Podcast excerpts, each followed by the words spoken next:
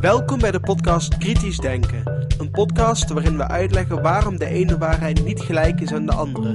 En hoe je kunt vaststellen waarom de ene waarheid juister is dan de andere. Waar we uitleggen waarom het belangrijk is om alles kritisch te bekijken. Ook deze podcast. Goeiedag, het is vandaag zondag 24 april 2011. Ik ben Jozef van Giel en dit is de 85ste aflevering van deze podcast. Deze aflevering kwam tot stand mede dankzij Riek de Laat. De muziek is van Nick Lucassen. Vandaag horen jullie het tweede deel van de reeks over hoe rekenkunde ons kan helpen begrijpen hoe onze toekomst er zal uitzien. Deze tekst is een bewerkte versie van een tekst van Alfred Bartlett, waarvan je een link naar zowel een YouTube-film als de transcripts in het Engels kan vinden op mijn website. Vorige week stond in de krant dat een pakje frieten op 10 jaar tijd verdubbeld is in prijs. Dankzij de vorige aflevering van deze reeks weten jullie nu onmiddellijk uit je hoofd te rekenen dat de prijs van frieten in België een gestage groei van 7% kent. Er stond ook in dat het sinds 1976 met 300% gestegen is. De prijs is sindsdien dus verviervoudigd. Dat komt vrij goed overeen met onze gestage groei van iets minder dan 7%. Exponenten deel 2 Bacteriën groeien door celverdubbeling. Eén bacterie deelt in 2. Van 2 komen er 4. De 4 worden er 8. 16 en ga zo maar door. Stel dat we bacteriën hadden die elke minuut op deze manier in aantal verdubbelden. Stel dat we deze bacteriën om 11 uur in de ochtend in een lege fles brengen en vervolgens constateren dat de fles om 12 uur vol is dan is dat een geval van gewone gestage groei met een verdubbelingstijd van 1 minuut, en het gebeurt in een eindige omgeving van één fles. Dan heb ik drie vragen. Ten eerste, op welk moment was de fles half vol? Zou je geloven dat dat om 11 uur 59 gebeurde, 1 minuut voor 12, omdat ze per minuut in aantal verdubbelen? En nu de tweede vraag. Als jij een gemiddelde bacterie in die fles zou zijn, op welk tijdstip zou je je realiseren dat je ruimte krap zou beginnen worden? Laten we gewoon kijken naar de laatste minuten in de fles. Om 12 uur is ze vol. 1 minuut ervoor is ze half vol. 2 minuten ervoor is ze voor een kwart gevuld. Daarvoor 1 achtste. 1 zestiende. Stel je eens de vraag hoeveel van jullie zich om 5 minuten voor 12 als de fles voor slechts 3% vol is en voor 97% leeg, zouden, verlangend naar ontwikkeling, realiseren dat er een probleem is. Stel nu dat op 2 minuten voor 12 enkele van de bacteriën zich beginnen te realiseren dat de ruimte bijna op is, zodat ze naar nieuwe flessen beginnen te zoeken. Ze zoeken eerst offshore, op het buitenste continentaal plat, in de uitlopers van de gebergten en in het Noordpoolgebied, en ze vinden Drie nieuwe flessen. Dat is een ongelooflijke ontdekking. Dat is drie keer de totale hoeveelheid aan middelen die ze ooit tevoren wisten te vinden. Ze hebben nu vier flessen, terwijl er voor hun ontdekking slechts één was. Nu geeft hen dit toch wel zeker een duurzame samenleving, niet? Wat denk je nu dat de derde vraag is? Hoe lang kan de groei zich voortzetten als gevolg van deze fantastische ontdekking? Kijk naar de score. Om twaalf uur is één fles vol, met nog drie over. Om twaalf uur en één minuut zijn twee flessen gevuld, met twee over. En om twaalf uur en twee minuten zijn ze alle vier gevuld, en dat is het einde van het verhaal. Je hebt niet meer rekenkunde dan dit nodig om de absoluut tegenstrijdige verklaringen die we allemaal van deskundigen horen en lezen te evalueren die vertellen ons botweg dat we kunnen doorgaan met het verhogen van het verbruik van fossiele brandstoffen. En daarna, maak je geen zorgen, we zullen altijd in staat zijn om de nieuwe middelen te ontdekken die we nodig hebben om aan de eisen van die groei te voldoen. De minister van Energie in Washington merkte een paar jaar geleden op dat we een klassiek geval van exponentiële groei hebben tegenover een eindige hulpbron tijdens de energiecrisis. Laten we dus nu eens kijken naar een aantal van deze eindige hulpbronnen. We wenden ons tot het werk van wijlen Dr. M. King Hubbard. Op een semi-logaritmische schaal van de olieproductie in de wereld kan je zien dat de lijnen vrijwel recht zijn voor ongeveer 100 jaar, tot 1970, met een gemiddelde groei in de buurt van 7% per jaar. Dus is het logisch om te vragen hoe lang die groei van 7% kon voortduren. Als we in een tabel de jaarproductie, het historische verbruik en de resterende reserves vanaf 1973 uitzetten, dan wordt heel wat duidelijk. In het jaar 1973 was de wereldproductie 20 miljard vaten, de totale productie in de gehele geschiedenis 300 miljard en de resterende reserves 1700 miljard. Dat zijn feiten. Verder vullen we deze tabel met berekende cijfers in de veronderstelling dat de historische groei van 7% dezelfde bleef in de jaren na 1973, precies zoals zij was in de voorafgaande 100 jaar. In feite is de groei gestopt, maar hij is gestopt omdat de OPEC hun olieprijzen hebben verhoogd. Maar wat zou er gebeurd zijn als we waren doorgegaan met die 7% groeicurve aan te houden? Laten we teruggaan naar 1981. In 1981, op de 7%-curve, zou het totale verbruik in de gehele geschiedenis op 500 miljard vaten zijn gekomen. De resterende reserves op 1500 miljard. Op dat punt gekomen, zouden de resterende reserves driemaal het totaal van alles wat we in de loop van de geschiedenis hadden gebruikt bedragen. Dat is een enorme reserve. Maar hoe laat is het wanneer de resterende reserves gelijk is aan driemaal het totaal van alles wat je hebt gebruikt in de loop van de gehele geschiedenis? Het antwoord is dat het 2 minuten voor 12 is.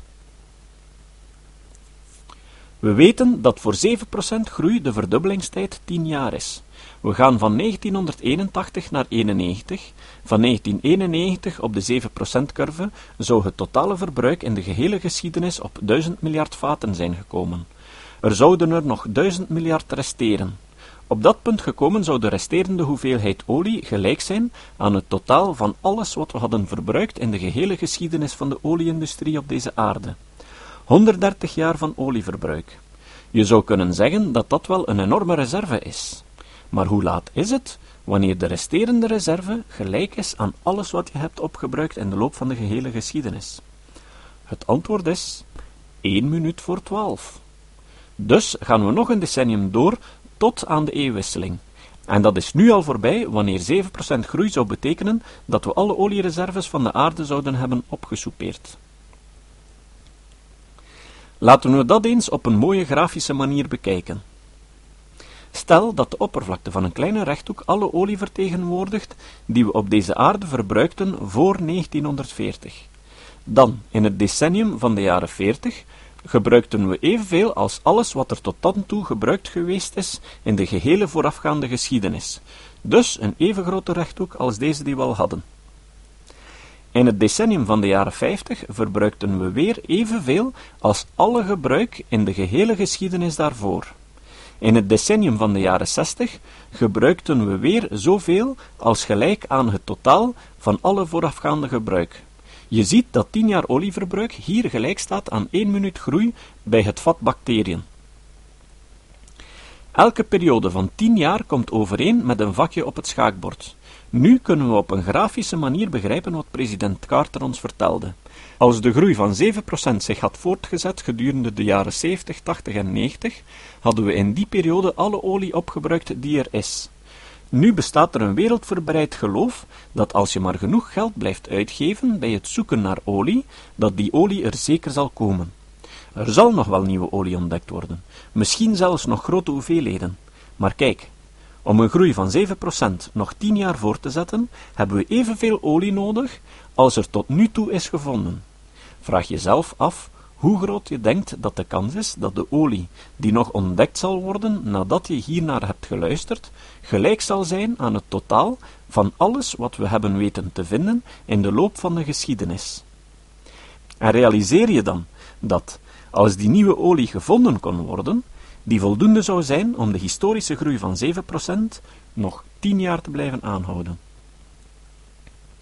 Het is interessant om te zien wat de deskundigen zeggen. Het volgende komt uit een interview in Time Magazine, een interview met een van de meest geciteerde oliedeskundigen in heel Texas. Ze vroegen hem, maar staan er niet veel van onze grotere velden bijna droog? En hij reageert, Er is nog zoveel olie te vinden in de VS als er ooit is geproduceerd. Laat ons veronderstellen dat hij gelijk heeft. Hoe laat is het dan? Het antwoord is 1 minuut voor 12. Ik vrees echter dat deze man geen enkel begrip heeft van deze zeer eenvoudige rekenkunde.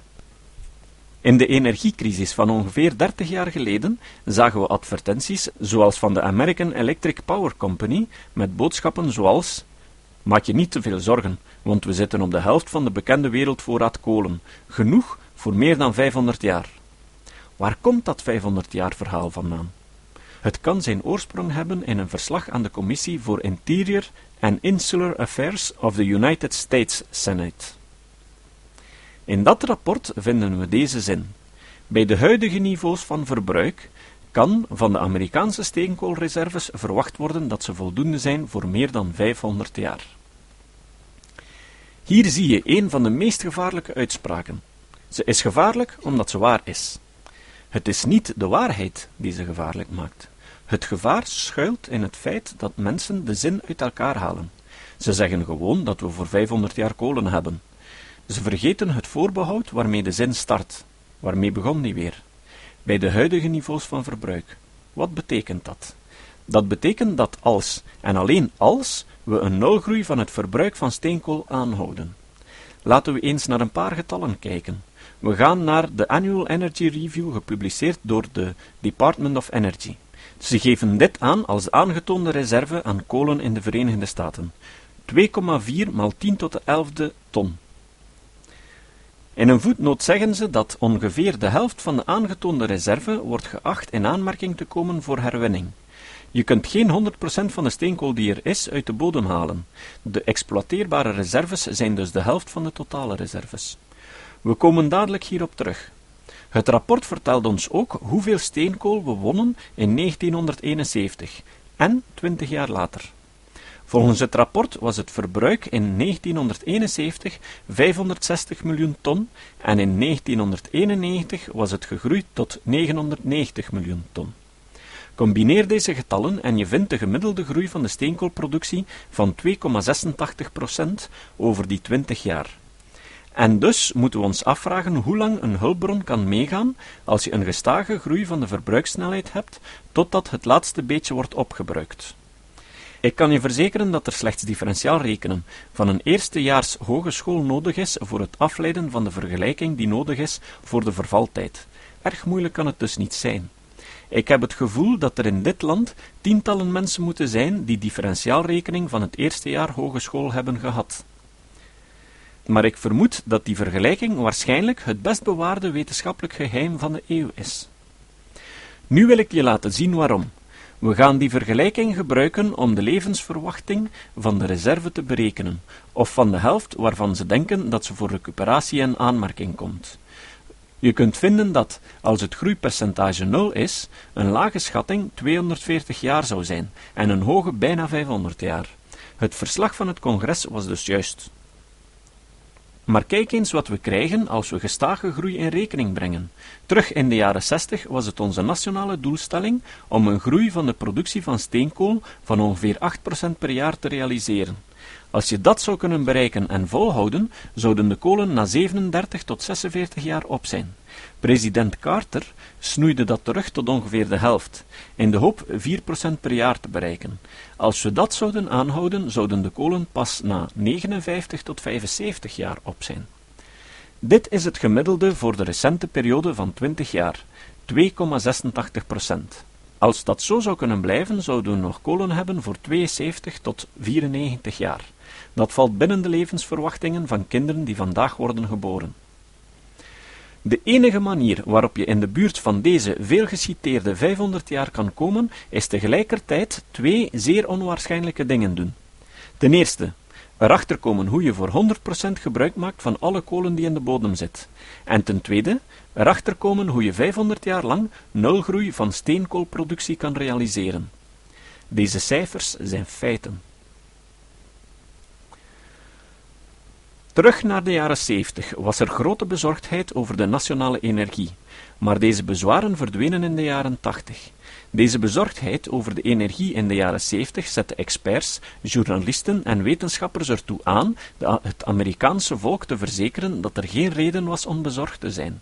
Laten we nu teruggaan en eens kijken naar een aantal van deze toezeggingen uit de jaren 70, zodat we kunnen zien wat we kunnen verwachten nu dat de energiecrisis terug is. De directeur van de energiebedeling van de Oak Ridge National Laboratories in de VS kan ons vertellen hoe duur het is om olie in te voeren en dat we moeten streven naar een sterke stijging en een snelle groei in ons gebruik van steenkool. Onder deze omstandigheden schat hij zijn Amerika's steenkoolreserves groot genoeg voor minimum 300 jaar en waarschijnlijk maximum 1000 jaar. Je hebt ondertussen de feiten gezien. Nu zie je wat een deskundige ons vertelt. Wat kan je daaruit concluderen? In een drie uur durende tv-special op CBS over energie zei de verslaggever: Volgens de laagste ramingen hebben we genoeg steenkool voor 200 jaar. Volgens de hoogste genoeg voor meer dan 1000 jaar. Je hebt de feiten gezien. Hier kan je zien wat een journalist ons na zorgvuldige studie vertelt. Wat besluit je daar nu uit? In een artikel door de wetenschappelijke staf van het tijdschrift Journal of Chemical Education op de pagina voor de scheikundedocenten van middelbare scholen vertellen ze hen dat de bewezen steenkoolreserves enorm zijn en plakken er een getal op. Deze kunnen voldoen aan de behoeften van de huidige Amerikaanse energiemarkt voor bijna duizend jaar. Nu, laten we eens een staartdeling maken. Je neemt de kolen die er volgens hen zijn, gedeeld door het huidige tempo van verbruik, dan krijg je 180 jaar. Nu zegden ze niet het huidige tempo van verbruik, maar huidige Amerikaanse behoefte aan energie.